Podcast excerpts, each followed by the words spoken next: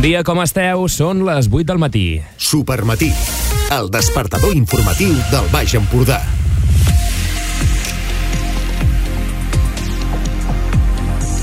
Bon dia, com anem? Les 8 del matí d'avui divendres 12 de maig del 2023. Comença la festa major per les ràdios que fem aquest informatiu, per totes les ràdios locals i comarcals del país, perquè arrenca la campanya electoral. I ho fa en un dia semblant al d'ahir, amb forces núvols, pluja dispersa en forma de ruixats, allò una mica irregulars, eh? Ara aquí, ara allà, sí que a la tarda creixeran nuvolades convectives, després ens ho explicarà l'Albert Aparicio, però ja ens ha dit que són nuvolades convectives que deixaran algun ruixat que localment pot estar acompanyat de tempesta. Tot plegat amb un ambient relativament fresc per l'època de l'any. Les màximes no superaran els 18-20 graus. Ara mateix mm, les temperatures, això, ronden els 10, 11, 12 graus. Per exemple, tenim 11 graus a Palafrugell, 10 a Sant Feliu o 12 a Verges.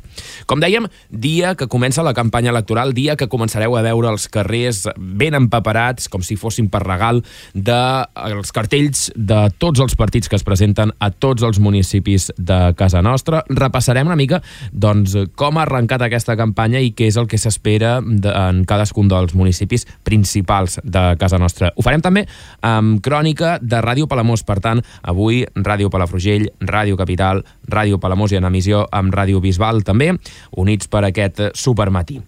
Us explicarem també una molt bona notícia. No tot ha de ser campanya. Hi ha una notícia excel·lent, que és que reobrirà la eh, llibreria de Palamós, la Gavina, que va tancar fa uns anys i ara eh, es reactivarà eh, per, per part d'una activista palamosina. Us explicarem també la crítica que fan negocis com el Funky Pizza o el Coqui a Palafrugell, critiquen les obres d'inici de, del parc territorial i critiquen que aquestes obres els ha impedit totalment accedir al seu territori, al seu comerç, mm, de manera fàcil i com ho tenien fins ara. Vull dir que s'ha dificultat tot moltíssim. De seguida escoltarem les seves, les seves queixes. Parlarem també de les demandes del comerç de Sant Feliu de Guíxols i també de les peticions que faran els establiments turístics de defensa contra, diuen, normatives arbitràries i sense fonament. Això a tot el país i en concret aquí a la, a la Costa Brava, també tenint en compte l'última notícia sobre l'última sentència del Tribunal Suprem sobre la taxa d'escombraries de Torroella de Montgrí.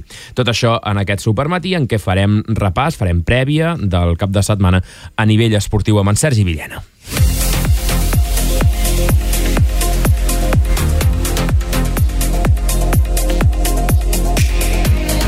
I avui dues entrevistes. Mm, teniu en compte que demà el Palamós celebra la quarta edició de la mostra de disc antic i parlarem amb eh, el membre de l'AMS Club de Fans dels 60, 70 i 80, en Josep Maria Garcia, i també, parlant de campanya electoral, Sos Costa Brava ha presentat aquesta campanya, aquesta setmana la campanya No votis totxo, vota natura, una campanya per intentar protegir el paisatge. Doncs d'això en parlarem amb eh, els responsables de Sos Costa Brava. Però abans hem de saludar els periodistes que ens acompanyen aquest matí. Maria Alzina, molt bon dia. Hola, molt bon dia. Ferran Castelló, bon dia. Molt bon dia. I Sergi Villena, bon dia. Què tal? Molt bon dia.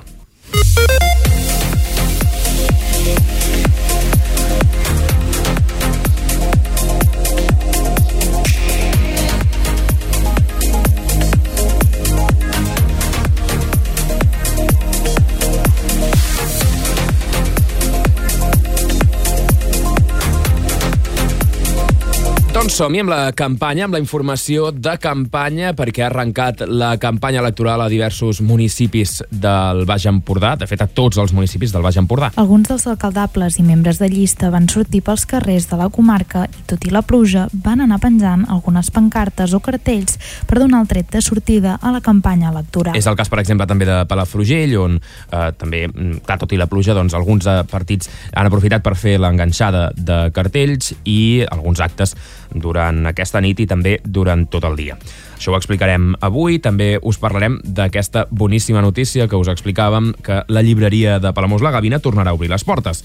El projecte original de la llibreria La Gavina va ser fundat per Catalina Cargol, una activista en palamosina compromesa amb la construcció de l'Hospital de Palamós i la lluita contra la pobresa i us explicarem també en quin, amb quines característiques obrirà la llibreria i veurem si hi ha algun termini. Hem de parlar també a Palafrugell del fet que els establiments propers a l'Avinguda Espanya l'han hartat dels maldecaps de mobilitat provocats per l'inici de les obres del parc territorial. Negocis com el Funky Pizza o el Coqui critiquen que accedir-hi a peu o en cotxe s'ha fet molt complicat i denuncien la falta de diàleg i consens amb l'Ajuntament. Per la seva banda, el consistori assegura que la zona té aparcament de sobres i promet adaptacions per facilitar la mobilitat. Han convocat els responsables dels establiments a una reunió dimarts vinent. Més notícies. El comerç de Sant Feliu de Guíxols demana més aparcament al centre del municipi. Aquesta és la conclusió que es desprèn de l'enquesta d'opinió realitzada per part de la Cambra de Comerç de Sant Feliu de Guíxols amb la voluntat de donar veu i fer de mediadora per tal de traslladar-ho a les institucions que poden fer possible executar-ho a fi de millorar. Els departaments turístics intensificaran la defensa jurídica contra normatives arbitràries i sense fonament, diuen. Aquest dijous l'entitat ha celebrat l'assemblea anual on la presidenta ha fet referència a la resolució que fa uns dies va publicar el Tribunal Suprem sobre la taxa d'escombraries de Torroella de Montgrí. Esther Torrent ha remarcat que en els últims mesos s'han iniciat processos, delegacions i avisa que se'n faran més per fer front a la pressió de les administracions, sobretot locals. Dues notícies que ens tornen a Palafrugell. L'IPEP i Oxigen renoven el seu conveni. El conveni ha de servir per desenvolupar un pla d'actuacions i dinamització del teixit comercial i empresarial del municipi. L'acord forma part del Pla d'Acció Comercial de l'IPEP que inclou també accions per fomentar la col·laboració público-privada i l'emprenedoria, modernitzar i professionalitzar el comerç i millorar els serveis i l'accés a l'espai comercial urbà, entre altres. I s'instal·len sis nous contenidors destinats a la recollida d'oli vegetal usat. Se situen en els diferents nuclis de Palafrugell. Els usuaris usuaris poden anar a buscar els embuts per al reciclatge a l'àrea de qualitat urbana i a la deixalleria municipal fins que s'esgotin les unitats. I pel que fa als esports, perquè fa a l'agenda esportiva Platja d'Aro, tindrem un cap de setmana amb el triatló com a protagonista. Quatre modalitats diferents de triatló es disputaran demà dissabte i l'endemà diumenge al municipi Baix Empordanès en el marc de la tercera edició del Tradein 140.6 International Triathlon, dissabte dia 13 hi haurà les proves de llarga i mitja distància i diumenge dia 14 i per primera vegada a Platja d'Aro s'inclourà la modalitat gravel de ciclisme en modalitats de distància olímpica i mitja distància. Uh, més notícies, parlem ara de tennis, parlem de Paula Badosa, evidentment, perquè uh, tindrà un partit exigent aquest cap de setmana contra Ons Jaber. Després d'accedir a la segona ronda del Masters 1000 de Roma amb dificultats, la baixampordanesa es trobarà amb la tunisiana Ons Jaber, actual número 7 mundial i quarta cap de sèrie del torneig. I en futbol destaquem el de duel vibrant entre Palamós i Lloret. Els dos equips es troben immersos en la lluita per aconseguir bitllet per la Superliga Catalana de l'any vinent i aquest diumenge mesuraran les seves forces al municipal de Palamós. I en el repàs dels compromisos al cap de setmana tenim un uh, cap de setmana crucial per al bàsquet Girona. Cal oblidar la gran decepció de dimarts davant del Betis en el desplaçament a la pista del Saragossa. Els gironins saben que si guanyen no els caldrà esperar els resultats de tercers, però si no ho fan, podrien haver-s'ho de jugar tot en la última jornada contra el potent Bascònia. Doncs aquest és el repàs esportiu també de la ciutat de Girona de parlar de futbol, perquè l'equip de Girona de futbol visita un dels camps complicats de primera divisió, el Real e Arena. Els de Mitchell volen seguir amb l'espectacular trajectòria de les últimes setmanes que els ha dut a ser aspirants a classificar-se per competició europea tot i que aquest cap de setmana juguen contra un poderós rival. Parlem del temps, va, que sembla que, que comença a ploure amb una mica de ganes. No ara mateix, eh? Ho fa habitualment aquests dies més que tirant cap a les tardes i cap als vespres. Albert Aparicio, bon dia. Hola, bon dia. A les portes del cap de setmana continuaran els ruixats al Baix Empordà? Avui seguirem amb un temps semblant al d'ahir amb forces núvols i pluja dispersa en forma de ruixats de distribució irregular. Primeres hores del matí pot ploure o plogims residuals de la darrera matinada i entre migdia i tarda creixement de nuvolades convectives que deixaran alguns ruixats localment acompanyats de tempesta. Tot plegat amb un ambient relativament fresc per l'època de l'any i temperatura entre els 10 graus de mínima i els 20 de màxima. Pel cap de setmana es manté la inestabilitat, temperatura moderada i podrem sumar algun litre més. Matí de dissabte amb risc de precipitació feble, més clarianes entre mig matí i migdia i cap a la tarda de nou creixement de nuvolades que ens poden portar altre cop ruixats convectius. Diumenge tindrem més estones de sol, però ens seguiran acompanyant intervals de núvols i cap a la tarda arribada d'algun ruixat més. En general, poca precipitació, però de moment aquests dies s'està complint la dita de pel maig cada dia un raig i entre plogim i ruixat el que portem de mes ja s'han acumulat 45 litres per metre quadrat a la Bisbal d'Empordà i una vintena de litres a Palafrugell i Castell d'Aro. On menys ha plogut de moment és a la zona entre l'Estartit, Torroella de Montgrí i Pals. Els mapes a mitjà termini ens continuen indicant les condicions d'inestabilitat que perduraran la setmana que ve, així que esperem noves precipitacions. Doncs mira, estem, estem contents que plogui, estem contents que plogui, serà una campanya passada per aigua, però això que de per maig cada dia un raig és tan bona notícia que, no sé, que no explicaríem res més, només que plou. Més enllà del Baix Empordà estan passant coses. Barcelona centra els esforços dels partits polítics catalans en l'arrencada de la campanya. Tots els líders han acompanyat aquest dijous al vespre els seus candidats a l'alcaldia de la capital, després que al matí el CIS, el Centre d'Investigacions Sociològiques de l'Estat, pronostiqués una victòria d'Ada Colau, millorant resultats respecte a les últimes eleccions. Els guanyadors del 2019, Esquerra Republicana, s'han marcat l'objectiu de repetir les fites de, la fita de les últimes municipals, tot i que el CIS els deixa en quarta posició. Pel que fa al PSC, PSC, el partit aspira a créixer per consolidar-se com a primera força, força en nombre de vots a tot el país. Mentrestant, Junts confia en l'efecte Trias i manté l'esperança que el candidat de Barcelona sigui un revulsiu a la resta de Catalunya. Des dels comuns, Ada Colau aspira a repetir un tercer i últim mandat com a alcaldessa de Barcelona, quatre anys més que diuen que serviran per seguir avançant en la transformació de la ciutat. Tercera denúncia per assetjament sexual contra el professor apartat de Blanquerna.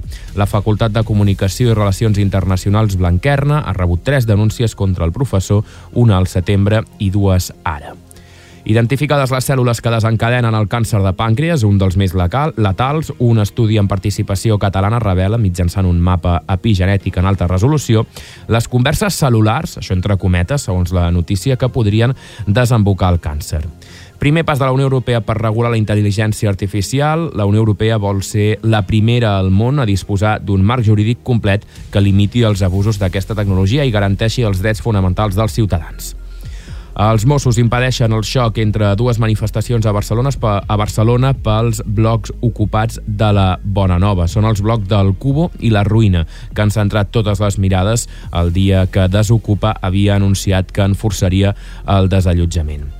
Ajuts directes i inversions. És el que tindrà el paquet del govern espanyol contra la sequera. L'executiu espanyol destinarà 2.000 milions d'euros en ajudes directes a pagesos i ramaders i en inversions en infraestructures d'interès general per millorar els recs i reutilitzar l'aigua, com la desaladora de Tordera i mestres i professors no hauran d'anar a preparar el curs eh, aquest juliol ni el de l'any que ve. El principal motiu de l'acord a què han arribat sindicats i el Departament d'Educació és la coincidència amb les oposicions de mestres i professors que mobilitzaran més de 3.500 persones. Això vol dir, per tant, que com que coincideix el juliol amb eh, aquestes oposicions, amb la preparació de les oposicions, els mestres no caldrà que vagin a l'escola a preparar eh, el curs vinent, sinó que ho podran fer des de casa. Aquestes són les notícies que estan, del que està passant més enllà del Baix Empordà.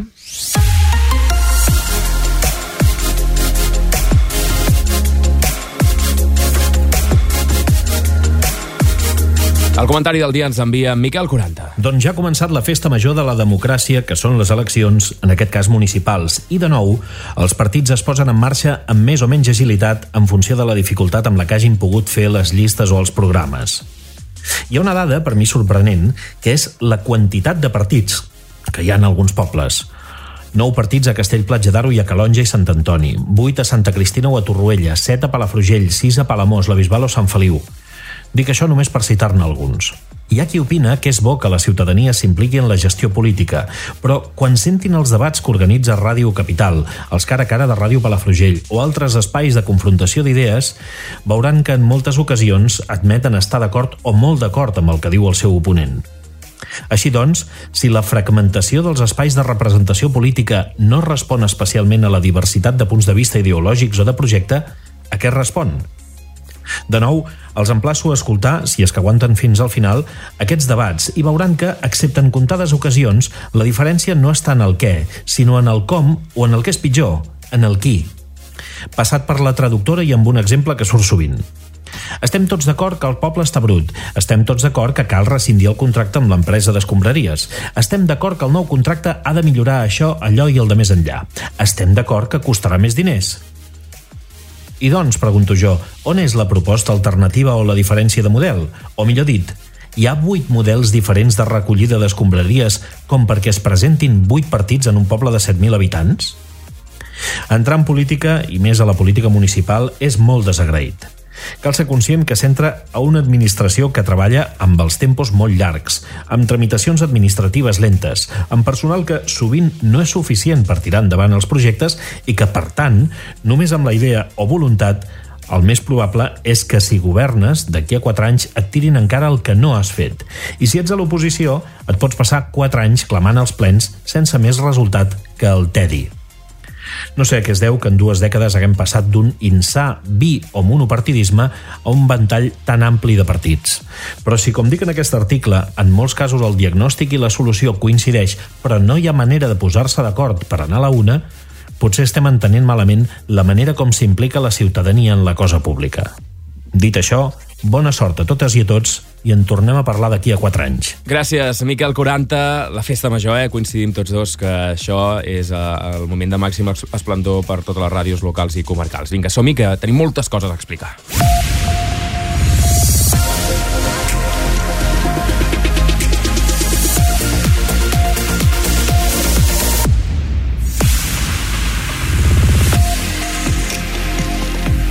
Va, comencem perquè ha arrencat la campanya electoral, una campanya que serà decisiva a molts municipis de casa nostra, eh, des dels més grans als més petits. Eh? Per exemple, el més gran, Palafrugell, hi ha canvi de cares eh, completament en molts dels eh, partits. Si més no, les eleccions representaran un canvi respecte a les últimes, respecte a aquest mandat, perquè els que estan manant ara no es presenten. Qui podria guanyar és una, o una cara nova o una cara que fa set anys que no és alcalde, com el cas de David eh, sigui, de Juli Fernández Eh, però dic això perquè, perquè veieu que hi haurà canvis als pobles més grans i dels més petits, perquè a Verges, per exemple, després d'anys de govern de la CUP amb eh, l'Ignasi Sabater, Ignasi Sabater no es presenta i, per tant, hi haurà aquí també un canvi, pot tornar a guanyar la CUP, però amb una altra persona al capdavant. Per tant, és una campanya que en molts punts serà determinant i volem conèixer com ha arrencat a eh, tota la comarca. Començarem per Palamós, perquè, com dèiem, els candidats han encetat l'inici de campanya amb enganxant cartells, pancartes, tot i la pluja. I des de Ràdio Palamós, la Bela Espinosa ens envia aquesta crònica. Supermatí, el despertador informatiu del Baix Empordà.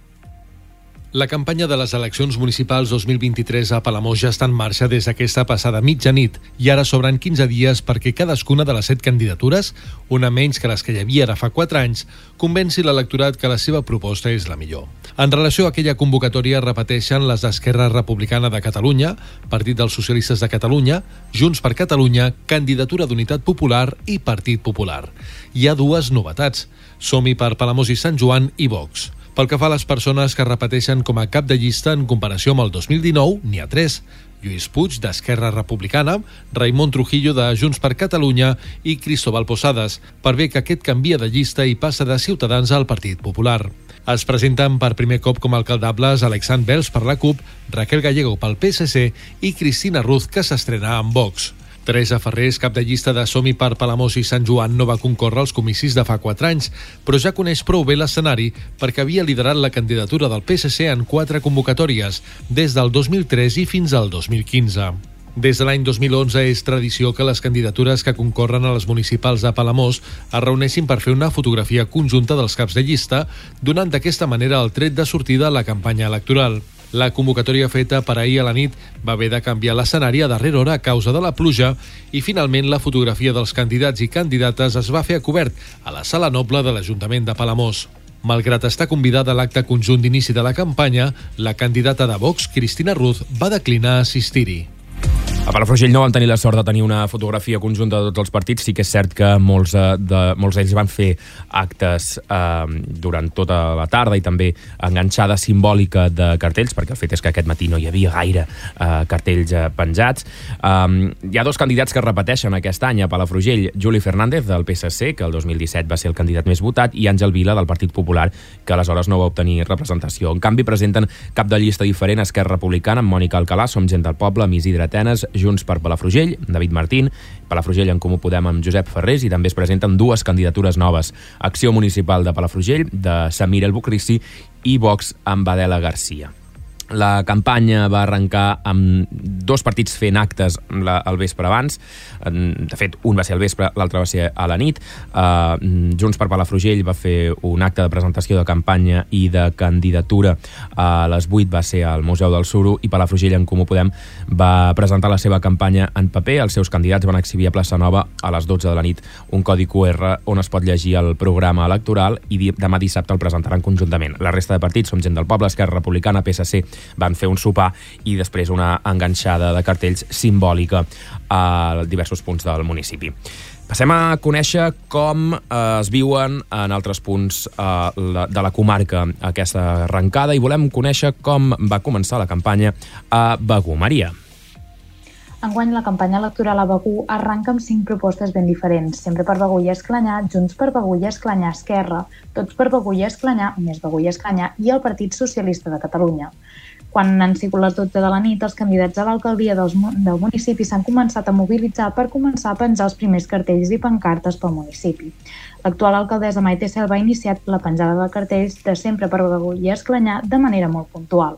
Un dels seus socis de govern, Eugeni Pibernat, també ha començat la penjada de cartells al municipi del partit de Tots per Begur i Esclanyà. Amb l'eslògan Anem per feina, mirem el futur, Tots per Begur i Esclanyà, el candidat torna a encapçalar aquesta proposta a les eleccions d'enguany. L'altre soci de govern, més Begull Esclanyà, ha començat a penjar pancartes i cartells al municipi, tot i la pluja que ha durant tot el dia. Jordi Carreras torna a encapçalar aquesta proposta que es presenta amb el lema Ara sem capaç. El cap de l'oposició, Joan Manel Loureiro, també ha donat el tret de sortida aquesta nit a Begull Esclanyà. Junts per Begull Esclanyà Esquerra també ha penjat diversos cartells amb la premissa de Fem poble, fem futur. A la Bisbal, Enric Marquès, actual alcalde i candidat d'Esquerra Republicana, espera, espera revalidar l'alcaldia. Cal tenir en compte que aquest any, aquests anys ha governat amb un govern del tripartit entre PSC, entre Esquerra Republicana, disculpeu, CUP i la Bisbal en Comú Podem. Repeteixen com a candidats a l'alcaldia Xavier Dilmé, candidat de Tots per la Bisbal, i Òscar Aparicio per la candidatura del Partit dels Socialistes de Catalunya. En canvi, la CUP, la Bisbal en Comú Podem i Compromís Junts per Catalunya presenten nous caps de llista a les eleccions d'en d'enguany. Per la CUP hi trobem Alba Solés, per cert, dins la candidatura, la candidata de l'última vegada de la Bisbal en Comú Podem. En el cas de la Bisbal en Comú Podem, el candidat és Bilal Benhassid, com a cap de llista, i Eva Rovira és l'encarregada d'encapçalar la candidatura de compromís Junts per Torroella. Anem a Castell, Platja de Lluís Segaró, que també encara en una campanya electoral amb nou propostes ben diferenciades. Eh? Castell, Platja de Lluís Segaró, nou candidatures. Atenció a això. El Partit Socialista de Catalunya vol mantenir l'alcaldia i tornen a dipositar la seva confiança en el candidat que va endur-se la gestió del consistori en les anteriors eleccions, Maurici Jiménez. Imma Gelabert és l'encarregada de liderar el partit de Junts per Castellplatja, Aro i Segaró en aquestes eleccions amb la voluntat de renovar la proposta partit. En el cas d'Esquerra Republicana de Catalunya, socis de l'actual govern, és Montse Rovira l'encarregada d'encapçalar la proposta. L'altre soci de govern, la Vall d'Aro en Comú, en Comú Guanyem, torna a presentar a Pedro Torres com a candidat a l'alcaldia. Adrià Tauler torna a encapçalar la proposta Som Castell Platja Aro i Segaró.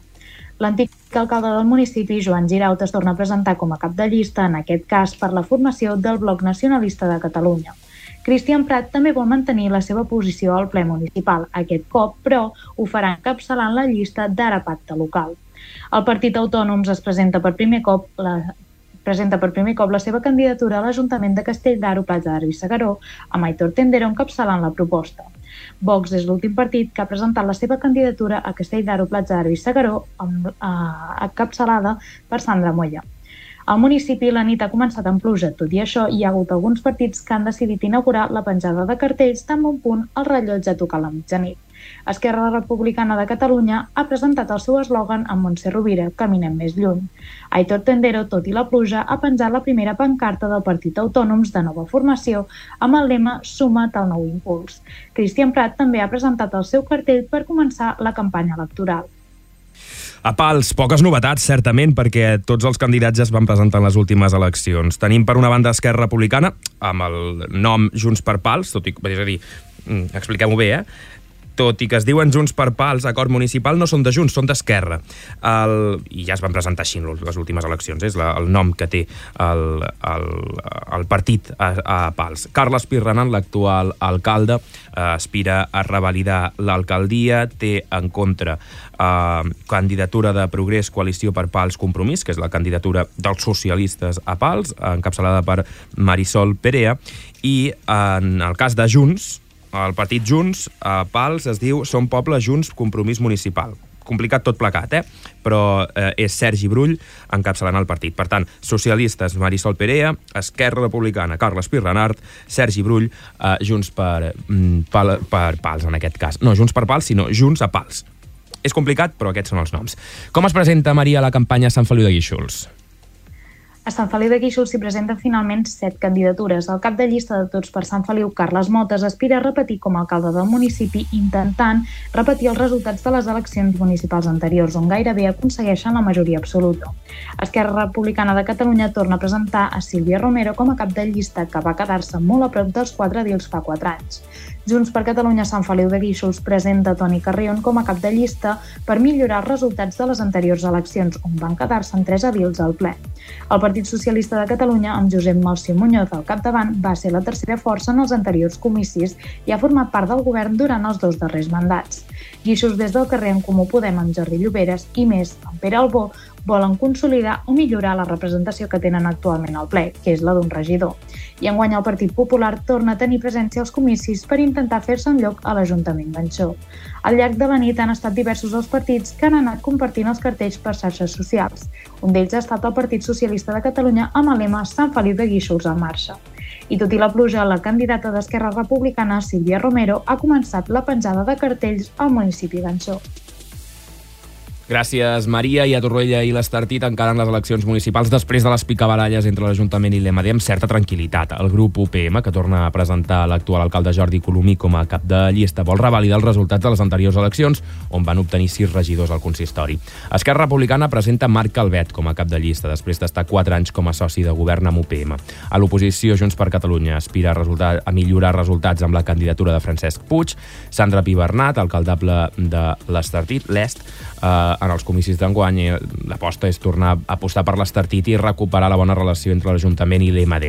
En el cas de Compromís, presenten a Jordi Cordon com a alcaldable, un polític que ja havia passat per l'alcaldia de Torroella i l'Estartit, i Jordi Roura, actualment membre del ple per la CUP, aposta per una candidatura totalment renovada que porta el nom d'Objectiu Torroella. Finalment, la setena i última llista que trobem a Torroella i l'Estartit és la candidatura que encapçala Ramon Moreno pel Partit Socialista de Catalunya que vol formar part del ple i que no ho ha fet en aquest últim mandat. 8 i 27 minuts, un parell de notícies més encara abans d'arribar a l'entrevista.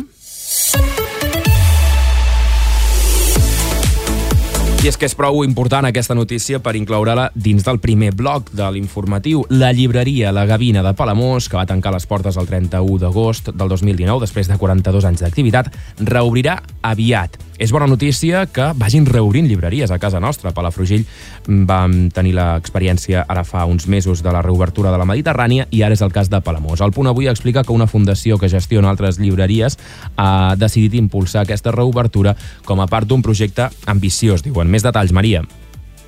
El projecte original de la llibreria La Gavina va ser fundat per Catalina Cargol, una activista palamosina compromesa amb la construcció de l'Hospital de Palamós i la lluita contra la, la pobresa. La seva iniciativa va ser un dels referents del sector, juntament amb altres com la llibreria 22 de Girona i la Mediterrània de Palafrugell. Però les dificultats del mercat editorial, la competència del comerç electrònic i el temps que havien de dedicar també a altres negocis de la família en van forçar el tancament. Així, la llibreria va baixar la persiana després de 42 anys en actiu en un moment que es volia donar rellevància a les més de dues dècades d'activitat cultural de la llibreria. Ara la reobertura de la Gavina serà una oportunitat per posar de nou sobre la taula el llegat de Catalina Cargol i continuar la seva obra.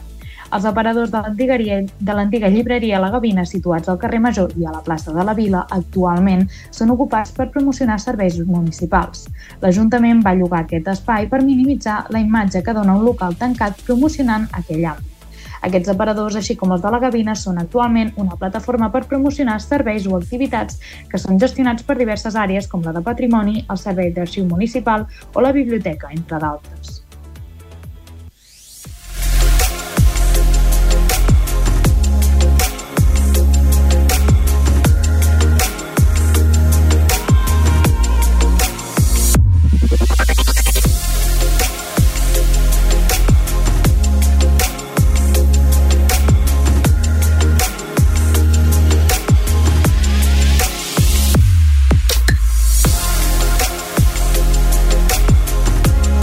Continuem al Supermatí, l'informatiu que fem conjuntament Ràdio Palafrugell, Ràdio Capital i Ràdio Bisbal, avui en participació també de Ràdio Palamós en, la, mm, en aquesta crònica informativa sobre l'inici de la campanya al municipi. Tenim moltes notícies, eh, perquè és que hi ha molt de contingut avui. Mm, crítiques a Palafrugell per l'inici d'unes obres que estan complicant la mobilitat de dos dels principals establiments d'aquest estiu, de cada estiu, tots els que tenen més èxit, el Coqui i el Funky.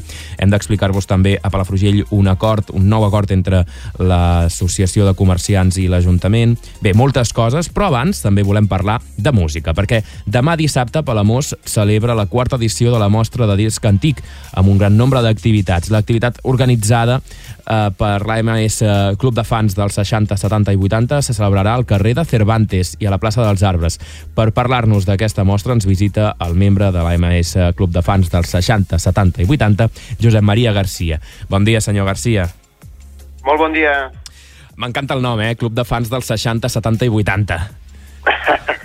bueno, som uns eh, fans d'aquella època, donat que gairebé tots tenim ratllant els dels 60 per món, no, no vol dir això que no tinguem socis més joves, però sí que els creadors eh, teníem aquesta, més o menys.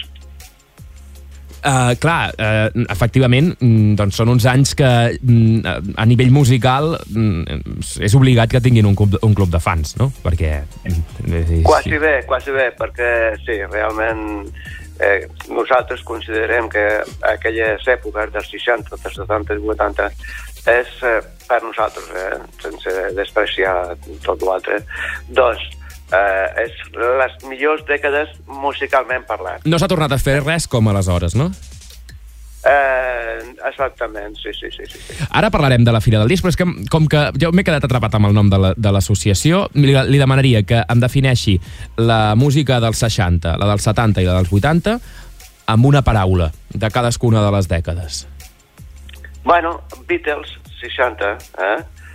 eh doncs els, als 70, diguéssim que ja pugem a, a d'altres grups que ara, la veritat, no em venen al, al cap. però, diguéssim que són els mateixos grups, però que van evolucionar. Es reformulen, vale? no? Clar. Sí, i als 80, evidentment, la, la música mm, disc i el rock, el heavy, diguéssim, van, van triomfar d'aquella època.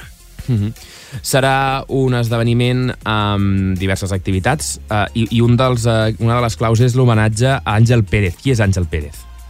Exactament.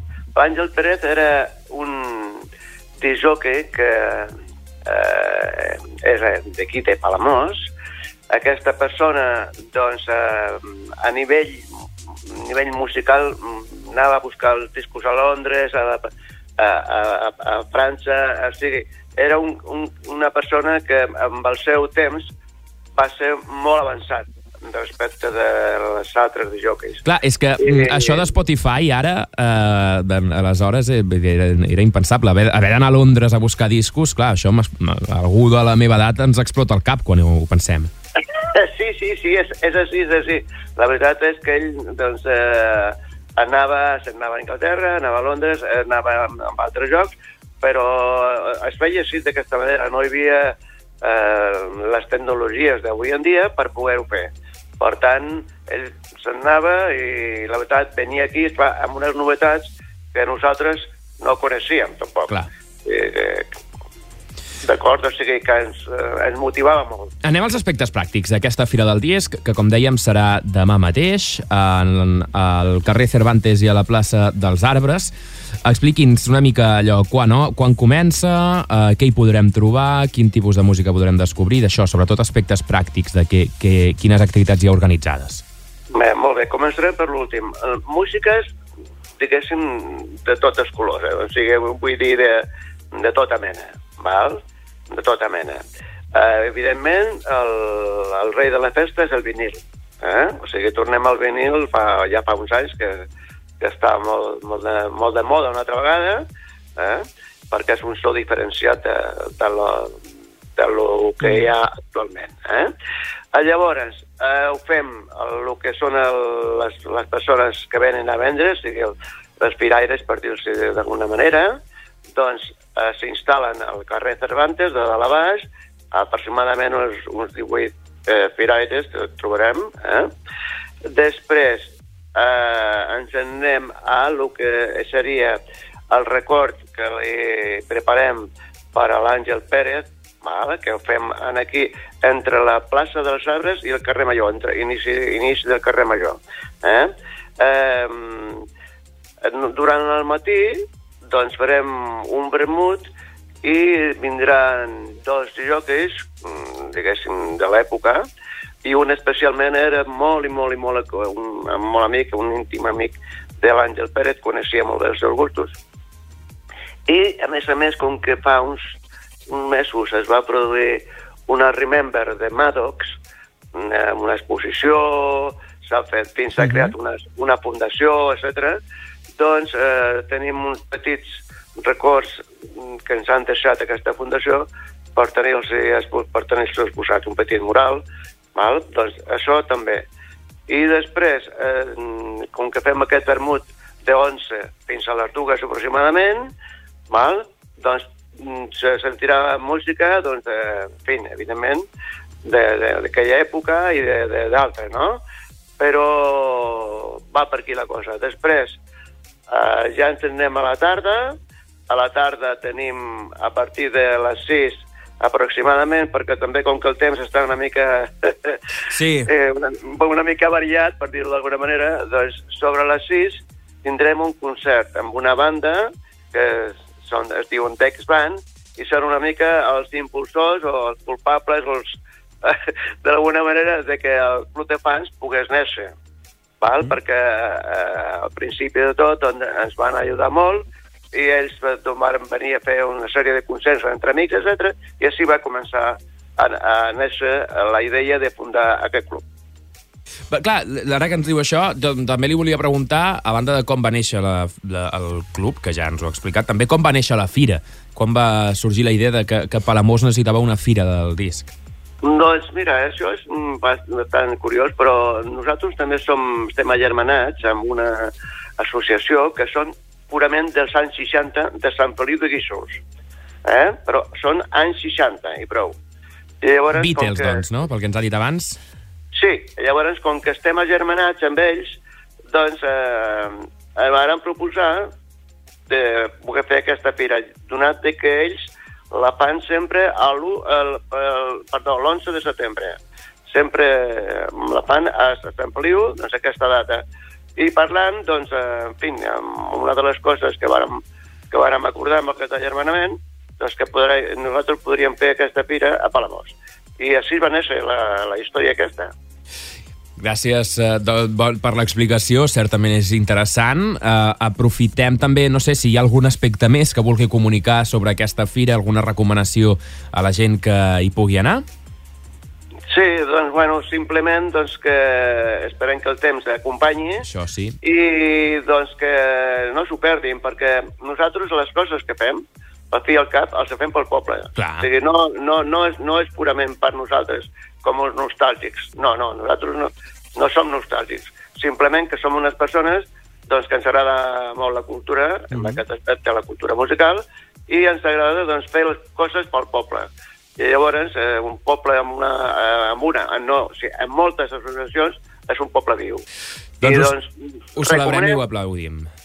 Doncs, moltes gràcies. I recomanem a la gent doncs, que ens acompanyi perquè d'aquesta manera, mm, ja que treballem, també doncs, ens agrada doncs, que, que els nostres amics, els nostres veïns, els nostres vilatans, doncs, puguin venir aquí a nosaltres a acompanyar-nos i donar-los les gràcies, com sempre, doncs perquè la veritat és que ens segueixen. Fantàstic. Doncs Josep Maria Garcia, fundador, membre del Club de Fans dels 60, 70 i 80, que aquest cap de setmana, aquest dissabte, demà, organitzen la quarta edició de la mostra de disc antic a Palamós, una activitat que es farà al carrer Cervantes i a la plaça dels Arbres. Gràcies i que tingui molt bon dia. Moltíssimes gràcies. Que vagi molt bé. Gràcies. Que tingueu una...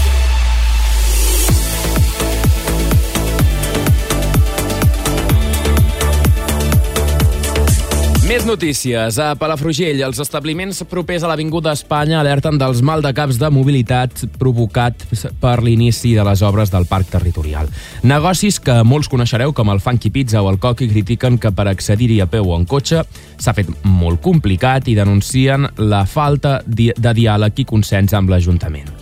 Les obres del Parc Territorial suposen una nova etapa de la transformació de l'Avinguda Espanya, que van arrencar amb la primera fase l'estiu passat. Tomàs Paricio, administrador del Funky Pizza, assegura que entén que són unes obres importants pel poble, però creu que no se'ls ha escoltat quan demanaven trobar solucions per accedir al seu restaurant. Són declaracions a Ràdio Palafrugell. Sí que sempre hem demanat a l'Ajuntament una mica que ens estigués, ens informació, que, que ens mirés d'ajudar una mica pues, amb senyalitzacions si es tallaven els accessos, i tot això no va passar a la primera fase d'obres a l'Avinguda Espanya i ara precisament vam fer una reunió al gener que vam fer és consensuar, bueno, vam parlar i dir, mira, farem una reunió de seguiment per intentar doncs, doncs, que estiguem informats, de que si ja es tallen els accessos o passa qualsevol cosa, s'informi de forma prèvia i d'aquesta manera els dos negocis o inclús també la guitarra que es pot veure afectada, doncs que puguin prendre les mesures, puguin avisar els clients de per on han d'entrar, etc etc. I jo... això no, no hem tingut. Joan Rasplatis del Coqui Park considera que l'Ajuntament podria haver esperat a acabar la temporada turística per començar les obres. 15 dies que han començat les obres i a nosaltres ningú ens ha dit res, no? I, i evidentment ja no podem fer res perquè el planejament ja està tot fet i està tot aprovat. Uh -huh. I ha sigut una obra mm, completament electoral per fer aquests dies i aquestes campanyes perquè per lo que sabem és una obra que té nou mesos de, de, de projecte, de fet d'execució, i es podia haver començat perfectament al setembre, amb tota la tranquil·litat del món, acabar-la al juny, fer les coses bé, i la part bona també d'això, o la part que defensa l'Ajuntament és que, eh, doncs que les afectacions seran mínimes, segons l'Ajuntament. Els eh, negocis critiquen que no hi ha ni aparcament ni accés a peu gaire fàcil. L'Ajuntament assegura que mm, admet que no es podrà accedir als negocis des de l'Avinguda Espanya, però recorda que tampoc es podia fer quan hi havia les obres del desdoblament i assegura que és responsabilitat dels dos privats estudiar les alternatives de mobilitat i aparcament perquè les obres són en un espai públic. Són declaracions de Josep Piferrer, primer tinent d'alcalde, també a Ràdio Palafrugell. Més endarrere pues, es manté la zona d'aparcament públic. No es podrà entrar des de l'Avinguda d'Espanya en aquests moments, però ara fins ara, com vivia les obres, tampoc s'hi podia entrar i ara o sigui, no s'hi ha pogut des de fa molt i molt de temps, que esclar, vull dir, al moment que afectes una part de, de terreny públic, si hi ha alguna, alguna activitat en allà, és l'activitat que s'ha de, que de muntar. Nosaltres en cap moment fem una activitat a dintre fem una, una actuació a dintre d'un terreny privat. Sempre la fem en terreny públic. Doncs llavors és el privat el que s'ha d'intentar eh, eh, doncs mirar com, com, com, com ha de, com ha de modificar-se eh, el seu aparcament o la senyalització que hi ha d'haver-hi per tal doncs, que l'afecti el menys possible.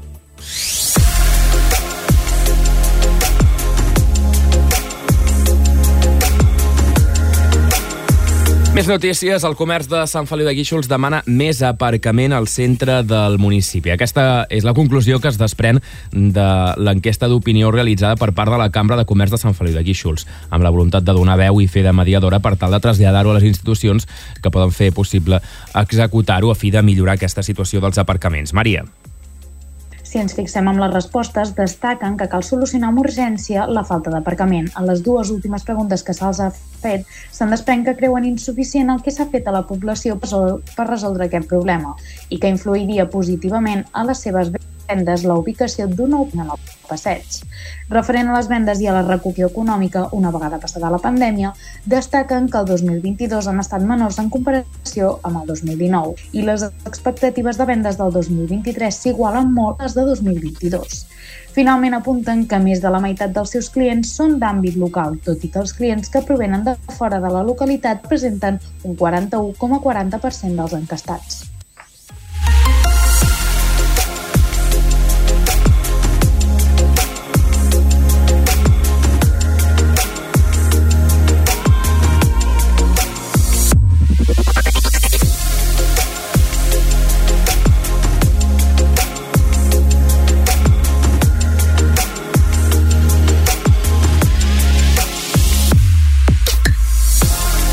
I els apartaments turístics intensificaran la defensa jurídica contra normatives que consideren arbitràries i sense fonament. Això ho expliquem també arran del mm, pleit de l'Associació d'Apartaments Turístics contra Torroella de Montgrí. Recordem que fa uns dies el Tribunal Suprem va fer una resolució sobre la taxa d'escombraries a Torroella de Montgrí. Ahir dijous l'entitat va fer l'assemblea anual on la seva presidenta va fer referència a aquesta sentència. Esther Torrent remarcava que en els últims mesos s'han iniciat processos d'al·legacions i avisa que se'n faran més per fer front a la pressió de les administracions, sobretot locals. Els empresaris d'habitatges turístic i l'ATA van portar als tribunals l'Ajuntament de Torroella de Montgrí el 2020 després que incrementés l'ATA d'escombraries dels apartamentístics. Això va suposar increments substancials dels impostos que havien de pagar els empresaris que consideraven un augment injust. Després de guanyar el cas als tribunals gironins, el consistori va recórrer al Tribunal Superior de Justícia, qui va tornar a donar la raó al sector turístic i finalment han portat el cas al Tribunal Suprem, que ha ratificat la sentència catalana. La presidenta de l'ATA ha anunciat que aquest 2023 indicaran la defensa jurídica dels empresaris per diferents vies. De moment ja han presentat al·legacions contra el pla que regula els habitatges de Girona, de Uh, Maria, hem perdut uh, la connexió amb la Maria Alzina, intentarem recuperar-la, però tenim altres notícies.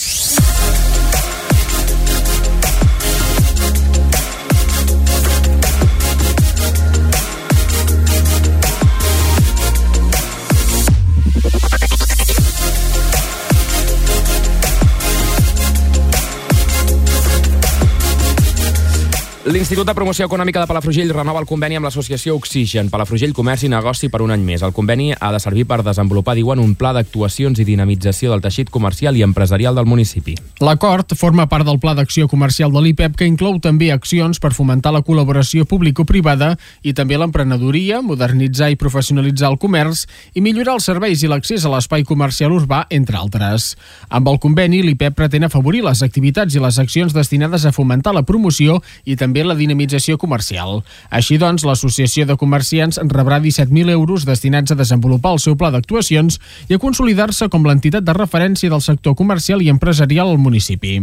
En els darrers anys, la col·laboració entre l'IPEP i Oxigen s'ha reflectit en la participació activa de l'entitat a campanyes com el Festival Flors i Violes o el Nadal a Palafrugell, entre altres, i també la promoció del teixit comercial de la vila amb campanyes com el Shop Local Day o la creació de la targeta de fidelització Mola.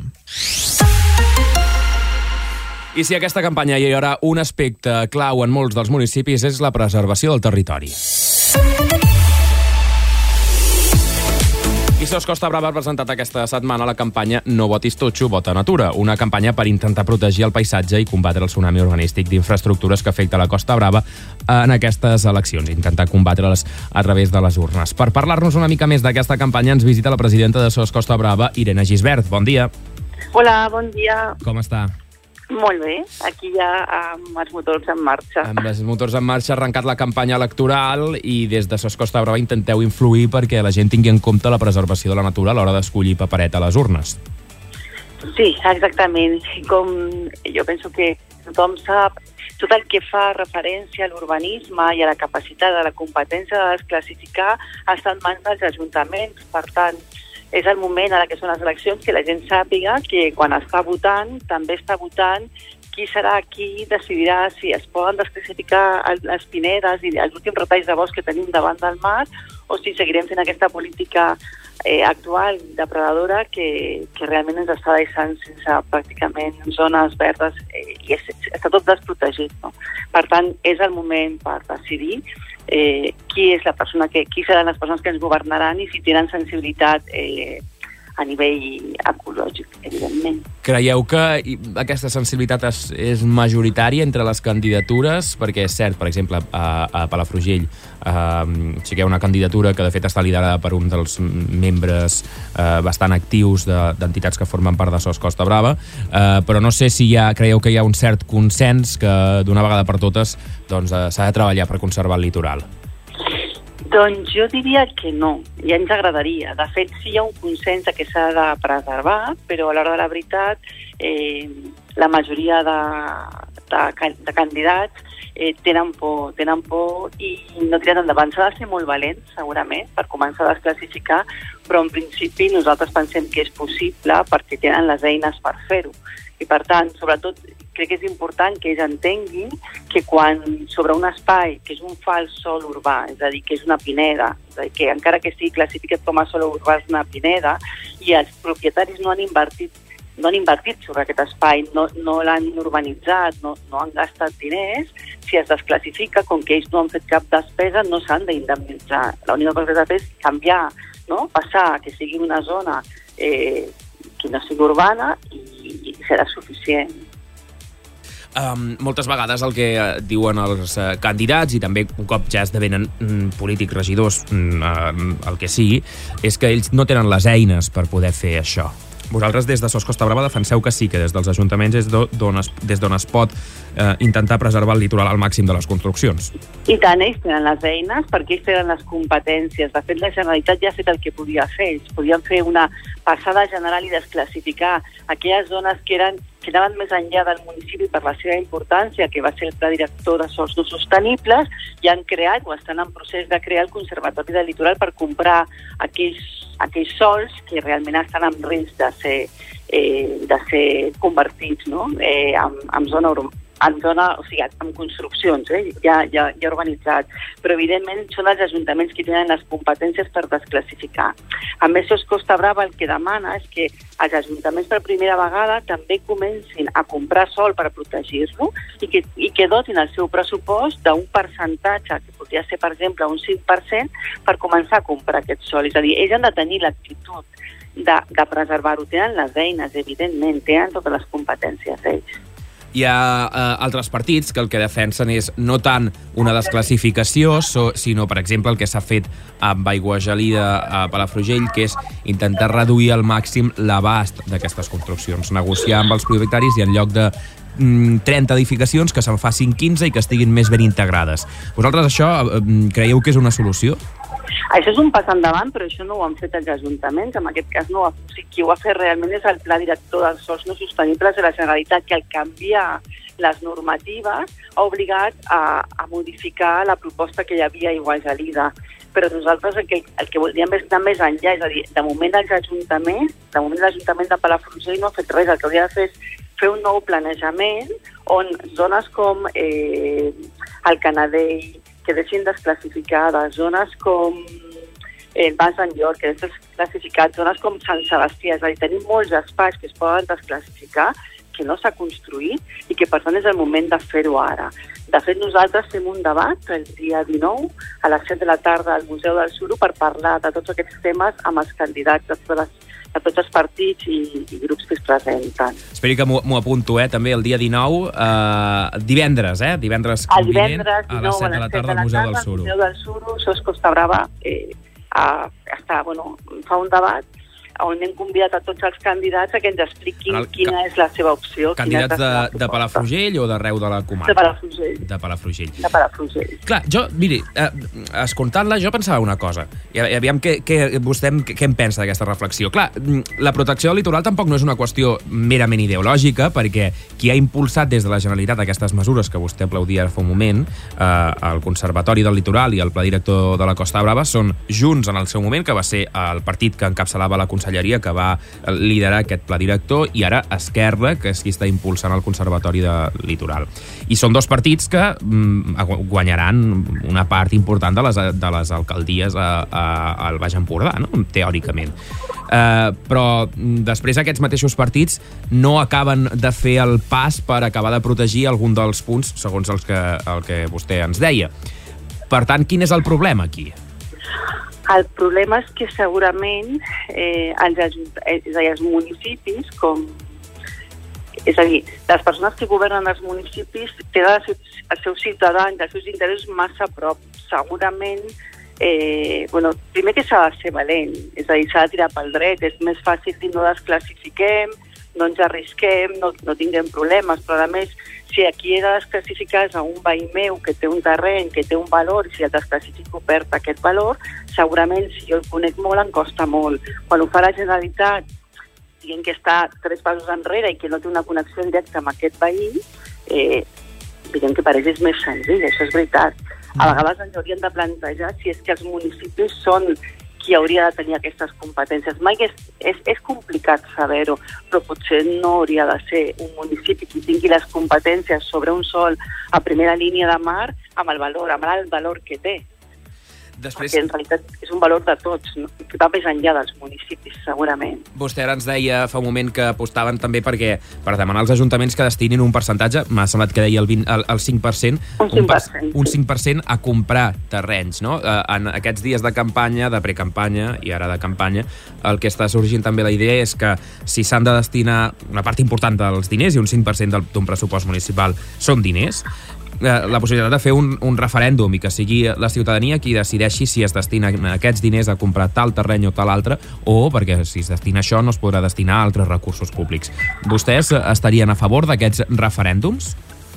Mm, S'haurien d'estudiar, és a dir, segurament qui ha de decidir o qui ha de fer les propostes són aquells tècnics que poden definir els valors dels espais, per una banda, i per l'altra el risc que tenen realment eh, de que estiguin destruïts no? sota el tsunami urbanístic que tenim ara mateix. És a dir, s'ha de fer amb un equip igual que el Conservatori del Litoral té, tindrà un equip de persones que decidiran quins són els terrenys òptims que han de comprar, quins tenen més risc i quins tenen més valor, a nivell municipal hauria de ser similar. Potser no seria tant... Podríem votar, però primer hauríem de saber, eh, hauria d'haver uns experts que ens expliquessin realment quins són els, els terrenys més interessants i que que tenen més valor per ser preservats. Sos Costa Brava, com dèiem, ha presentat aquesta campanya No batis totxo, vota natura, que segurament també es pot, eh, vull dir, que impulsaran a través de xarxes socials, imagino, a través de les xarxes socials de l'entitat, sí. és així, no? Sí, sí, tant. I aquest debat el 19 de, el di, dia 19 de maig, el dia 19. la setmana que ve a les 7 de la tarda al Museu del Suro de Palafrugell. Hem parlat amb Irene Gisbert, ens ha agradat parlar amb vostè ara que comença la campanya, doncs també d'un dels aspectes primordials d'aquesta campanya electoral. Presidenta de Ses Costa Brava, Irene Gisbert, gràcies per passar pel Supermatí, que tingui molt bon dia. Moltes gràcies a vostè. Bon dia.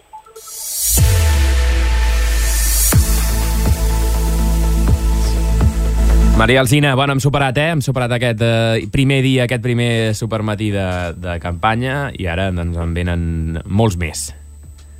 Oh, i tant, oh, i tant. I seguirem aquí explicant-ho en aquest supermatí. Abans, però, d'acabar, hem de parlar d'esports, hem d'explicar-vos ràpidament algunes eh, notícies. Aquest cap de setmana, cap de setmana triatló a Platja d'Aro, un triatló eh, amb quatre modalitats que es disputaran entre demà, dissabte i diumenge al municipi Baix Empordanès en el marc de la tercera edició del Trading International Triathlon.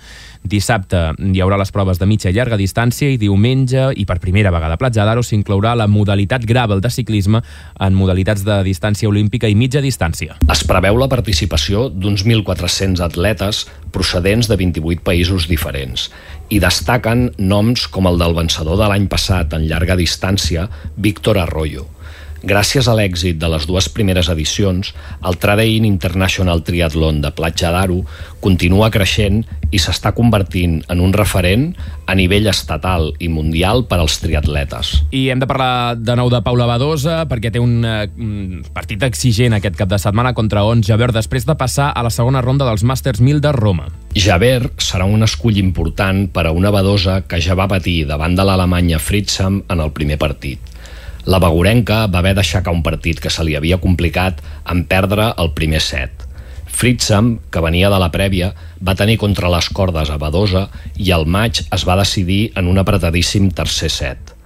El duel Badosa-Javert es disputarà demà dissabte a la pista central del Foro Itàlico de Roma. I en futbol destaquem el duel vibrant entre el Palamós i el Lloret. Els dos equips es troben immersos en la lluita per aconseguir bitllet cap a la Superliga Catalana de l'any vinent i aquest diumenge mesuraran les seves forces al municipal de Palamós.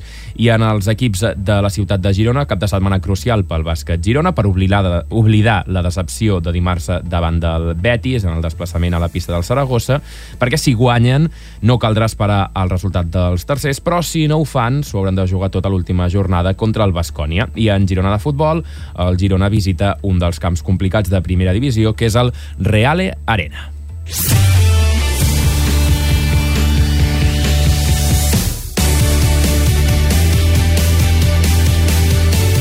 Maria, gràcies i que tinguis molt bon dia, que vagi bé.